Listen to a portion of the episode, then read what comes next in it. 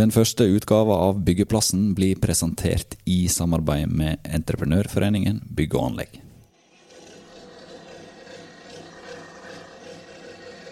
Spanske, italienske og kinesiske entreprenører bygger vei og jernbane i Norge. Hvordan påvirker det norsk byggenæring?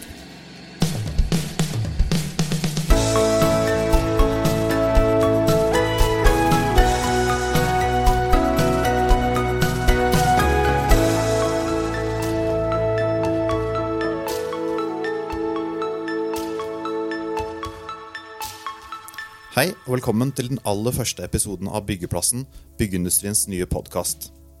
Dette er på mange måter en merkedag for oss, og vi håper at podden blir tatt godt imot både blant folk som jobber i bransjen, og de som er interessert i alt det spennende som skjer innenfor næringa vår. Utenlandske entreprenører har sett et større og større preg på norsk byggenæring de siste åra. Vi har også skrevet om mye om det i byggeindustrien og på bygg.no, og det er få saker som skaper så stort engasjement hos oss som utenlandske entreprenører. Så dette må jo være et perfekt tema å starte byggeplassen med. Jeg heter Frode Aga, og sammen med Christian Aarhus så skal vi lage byggeplassen. Men vi kan jo ikke gjøre dette helt alene. Nei, vi trenger gjester. Spesielt når vi skal diskutere utenlandske entreprenører som i dag. Og derfor har vi vært så heldige å få med oss Henning Hamnes, med fortid i flere store entreprenørfirma, både norske og utenlandske og landets største og viktigste utbygger, Statens vegvesen, ved byggherredirektør Bettina Sandvin.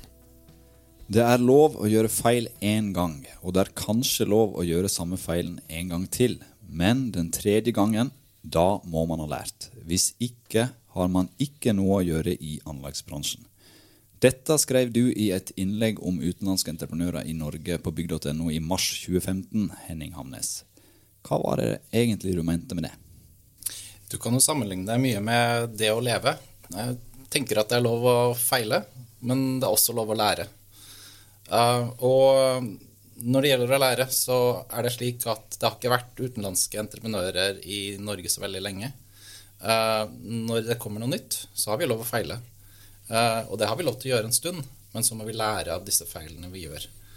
Uh, og det jeg så, var at vi gjorde de samme feilene gang på gang når vi fikk en ny utenlandsk aktør inn. Så tok vi ikke læringen til oss. Uh, denne artikkelen skrev jeg for et par år siden. Jeg ser at det er forbedringer i dag kontra hva det var den gangen. Så, så vi, nå er vi på vei. Uh, vi er langt fra ved målet, men vi har kommet et stykke. Men Hva var det de bomma på da, i begynnelsen? Eh, man bomma veldig på uh, kulturell trening. Man bomma på systemer. Man bomma på um, Jeg skrev litt om det også. Uh, minstelønn. Uh, det forsto man. Man forsto ikke konsekvensen av driftsoppleggene. Så er det slik at de som kommer hit første gangen, har ikke lært noe enda. Men vi som har vært her og jobbet med en utenlandsk aktør noen ganger, vi har lært noe. Og da har vi noe vi kan lære bort. Mm. Ja, for du var jo en av de øverste for Alpinebau Alpine Bau i Norge eh, den gangen eh, det gikk galt for deg her. Hva var det som skjedde der eh, når Alpinebau Alpine Bau gikk konkurs? Eh, konkursen var ikke i Norge, konkursen var i Østerrike. Det var morselskapet som gikk konkurs. det var mellom 12 000 og 14 000 som mista jobben. og du må gå litt tilbake i historiebøkene for å se hva som hadde skjedd med Alpine Bau over flere år. Uh, Alpinebau hadde hatt en ekstremt ekspansiv vekst som mange andre sentraleuropeiske selskaper i Øst-Europa, og hadde mista kontrollen der. Um, på mange måter et veldig hierarkisk system uh, som uh, feilrapporterte i svært mange ledd i Øst-Europa.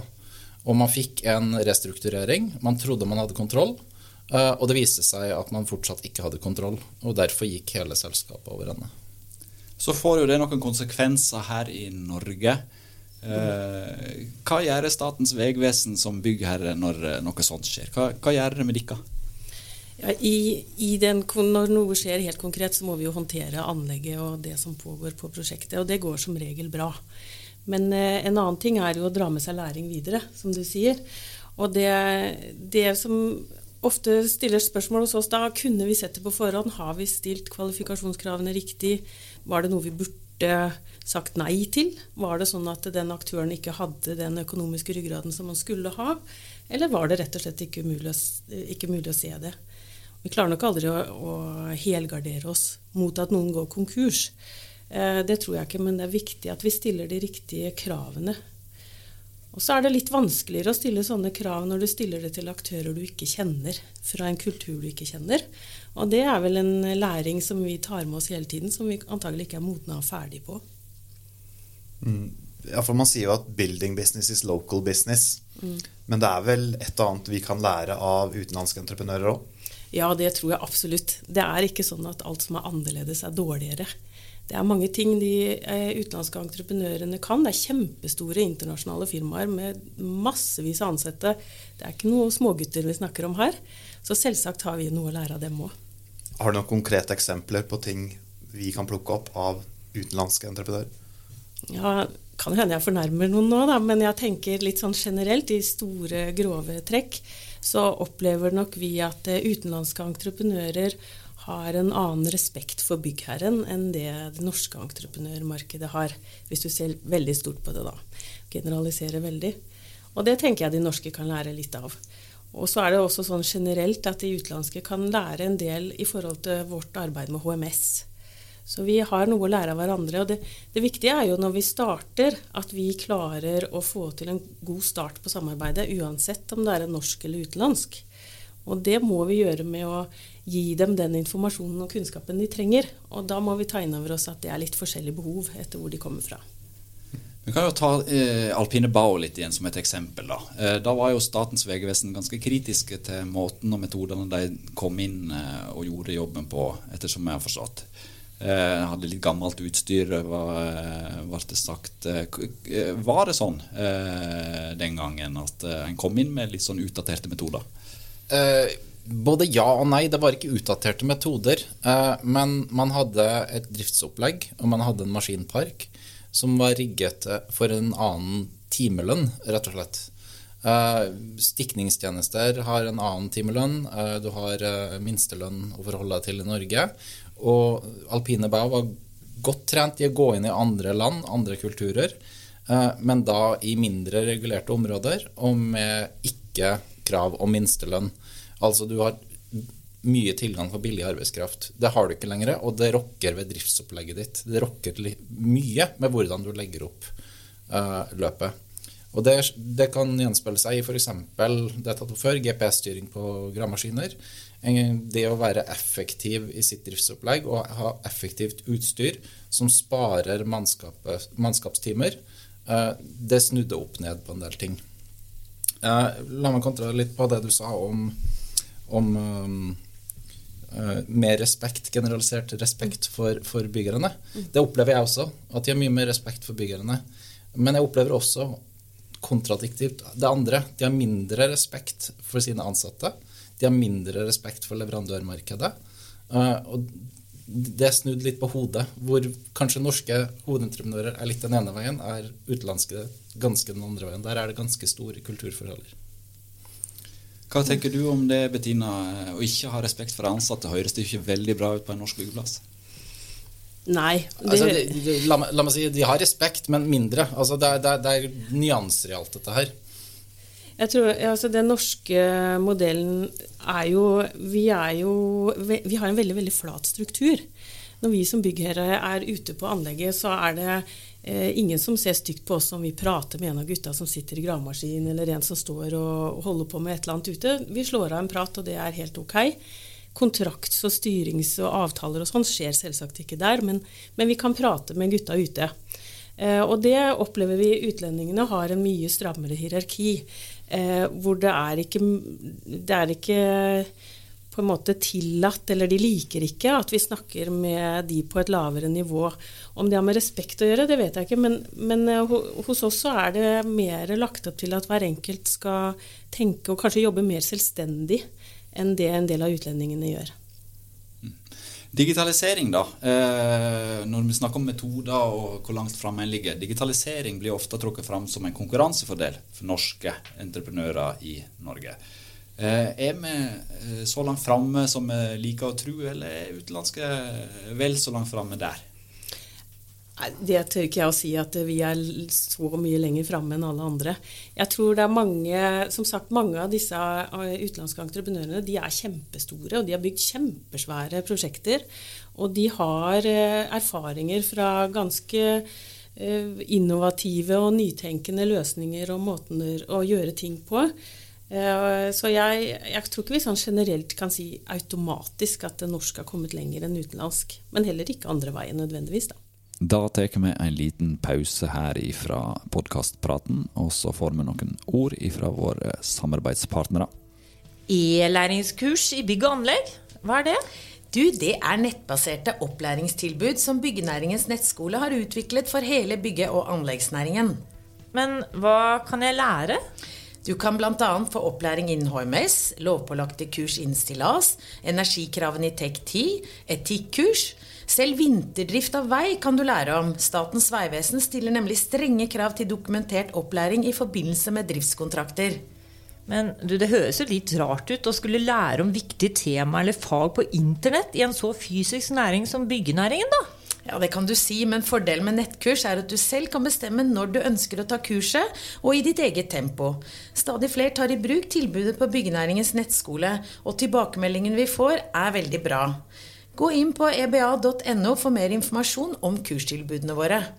Da er vi tilbake her på byggeplassen. Det blir litt sånn også den tankegang, det her. Norge mot utlendingene. Men det er jo ikke så mange år siden vi fikk en del svenske entreprenører til Norge heller, som vi nå regner som norske entreprenører.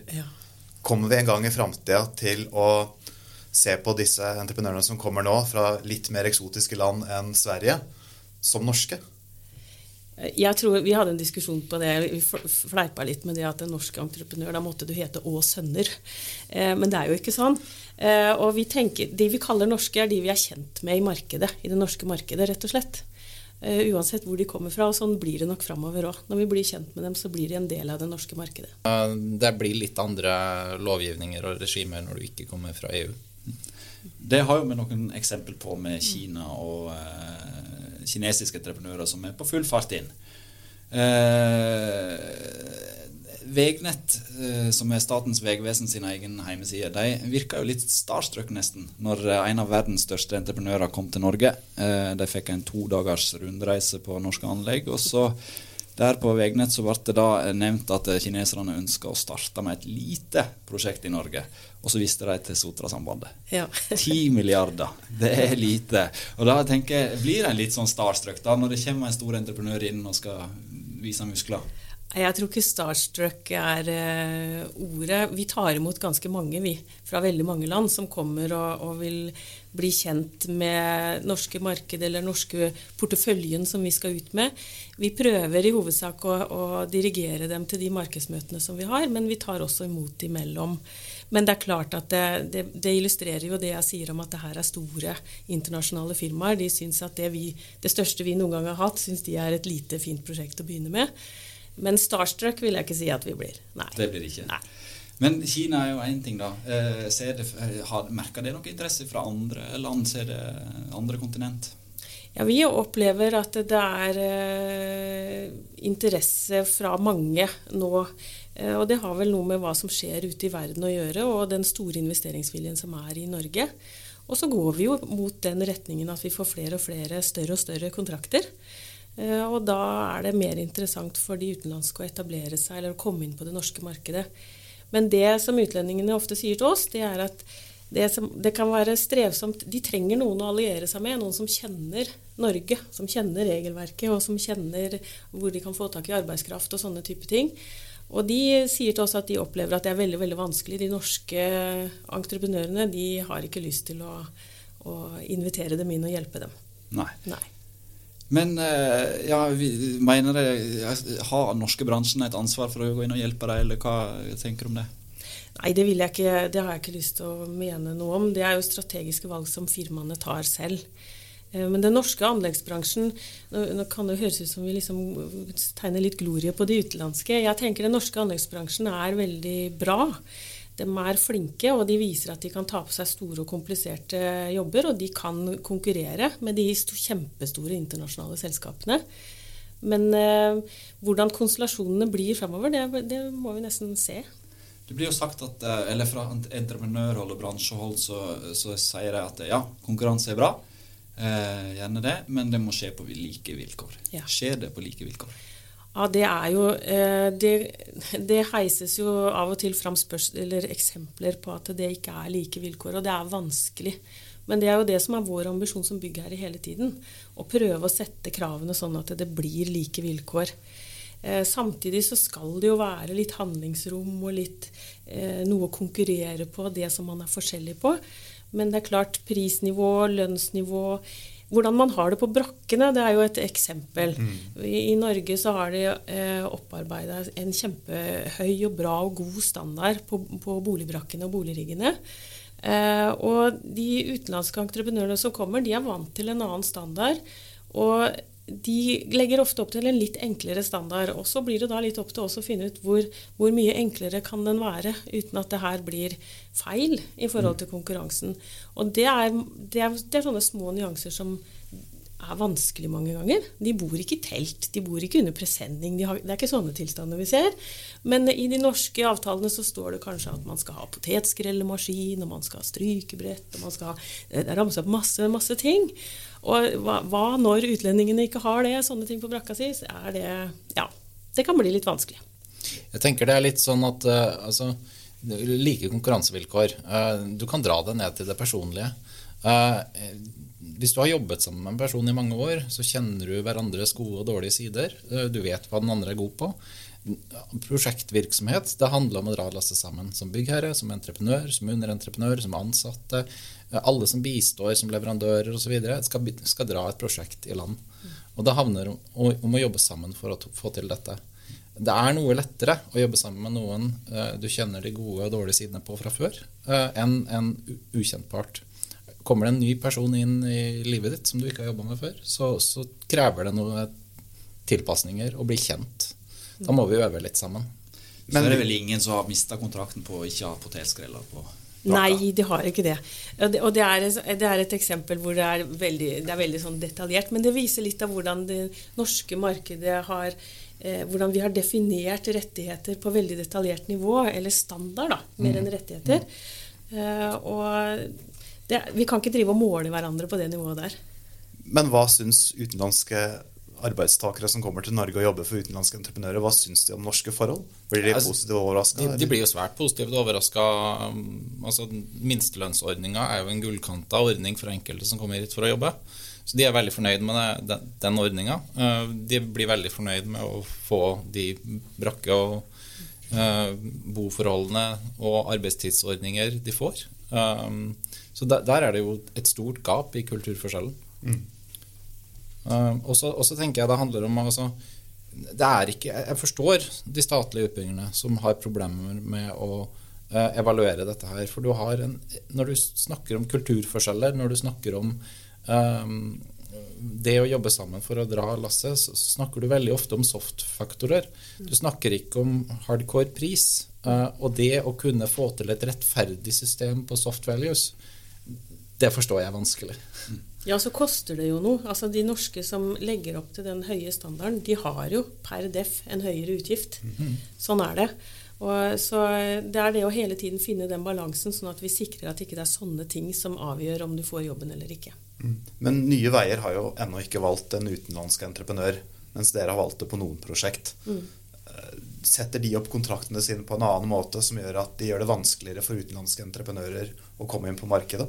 Nei, det tror jeg ikke de gjør. Det, det nye Veier må svare for detaljene i det sjøl. For jeg, jeg, tror nok ikke jeg kjenner det så godt. Men ut fra det jeg vet, så kan jeg ikke se at de ekskluderer noen nasjonaliteter på noe vis.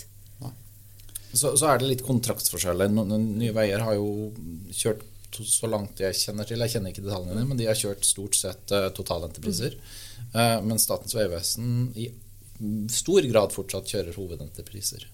Ja. Uh, og, da, og da, da, blir det noe forskjell. Ja.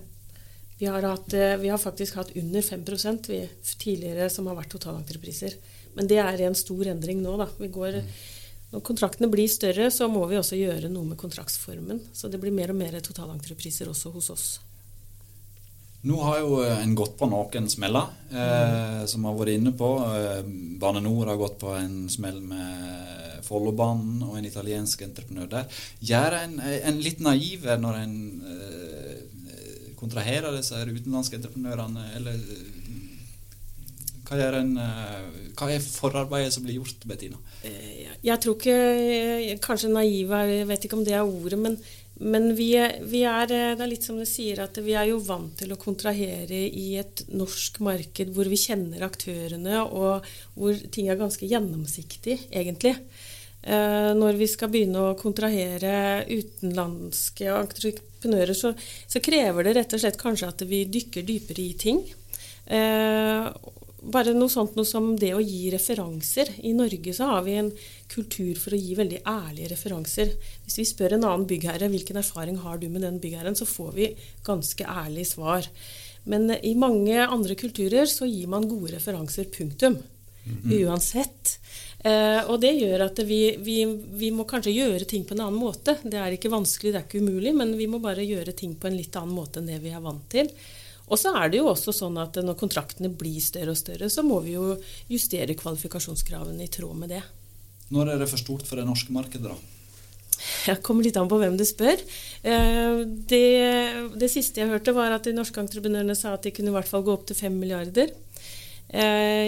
Eh, det går jo an å spørre når markedet i så fall er tømt ut for hvor mange vi har som kan ta de kjempestore, og hvor mange store kontrakter de kan ha gående samtidig. Det har jeg ikke oversikt over. Og så spørs det når Konkurransetilsynet tillater at uh, disse store norske ja. entreprenørselskapene får lov til å samarbeide. Når de ikke får lov til å samarbeide, at det blir et prissamarbeid. Og ikke minst når de tør å si hva som er lov og hva som ikke er lov, for det er vel det de ikke gjør de akkurat nå. Det. Mm. det er vel et problem for dere òg som byggere at ikke det helt vet om norske entreprenører kan samarbeide? Ja, altså vi eh, Som byggherre så gjør ikke vi en vurdering av det. Og vi har åpent for arbeidsfellesskap i våre kontrakter. Det er ikke noe forbud mot å legge inn tilbud mot det. Og vi har heller ikke den rollen som Konkurransetilsynet har, som kan faktisk gå inn og vurdere lovligheten av det. Så eh, vi vi har det åpent for fellesskap, men det norske miljøet eller anleggsmarkedet er jo ikke så kjempestort. Så hvis alle skal begynne å samarbeide med hverandre hele tiden, så, så er vi fort bare én stor entreprenør, tror jeg. Jeg tror ikke det er bra. Mm. Så lenge vi stort samler, samler et par entreprenører mot flere utenlandske, så har man jo like konkurransevilkår. Ja, Vi ser jo at eh, Veidekke, AF Hent og det er mange norske entreprenører som allerede er på plass i utlandet og har lyst til å vokse i utlandet. Når de er skeptiske til utenlandske entreprenører som kommer inn her, kaster de da pukk i glasshus? Jeg tenker ikke at de gjør det. De, de, når de er i Norge, så beskytter de de interessene de har, og, og, må gjøre businessen der de er. Eh, det må de også gjøre i utlandet. Og de trenger også lokale partnere der. De trenger å forstå kulturen. Jeg tenker de møter de samme utfordringene som eh, utenlandske entreprenører som Norge, møter her. Ja så er det jo ikke så kjempemange kontrakter, i hvert fall ikke Vegvesenet, som har gått til utenlandske entreprenører. Så trusselen er nok ikke sånn kjempestor. I fjor hadde vi ute 400 konkurranser, og det var fem kontrakter som ble tildelt utenlandske firmaer.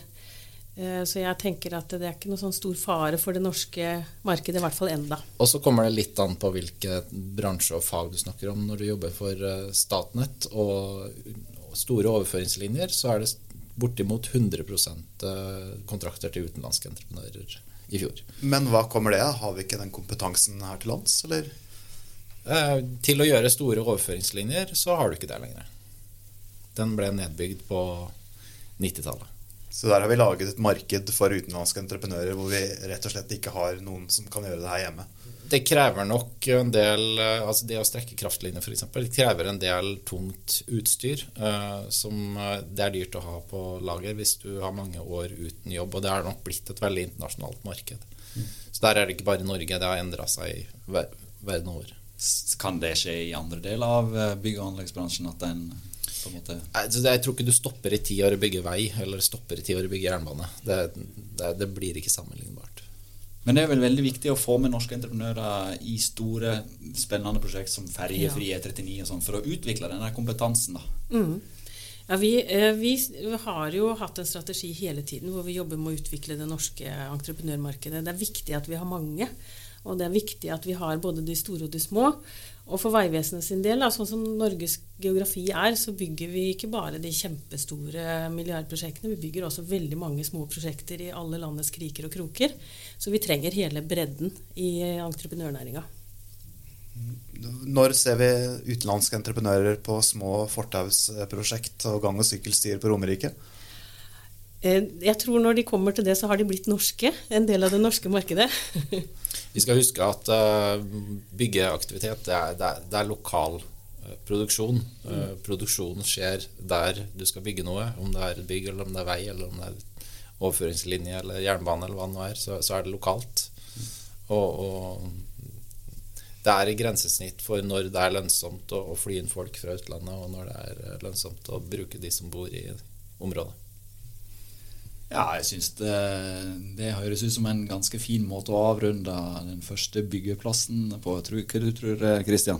Jo, jeg er i grunnen enig med det. Eh, så takk til Bettina Sandvin og Henning Hamnes. Takk til Alf Magne Hillestad som har hatt teknikken. Og ikke minst eh, takk for at du hørte på oss. Husk å abonnere på Byggeplassen i iTunes eller andre steder du henter din podkast. Vi er snart tilbake med en ny episode.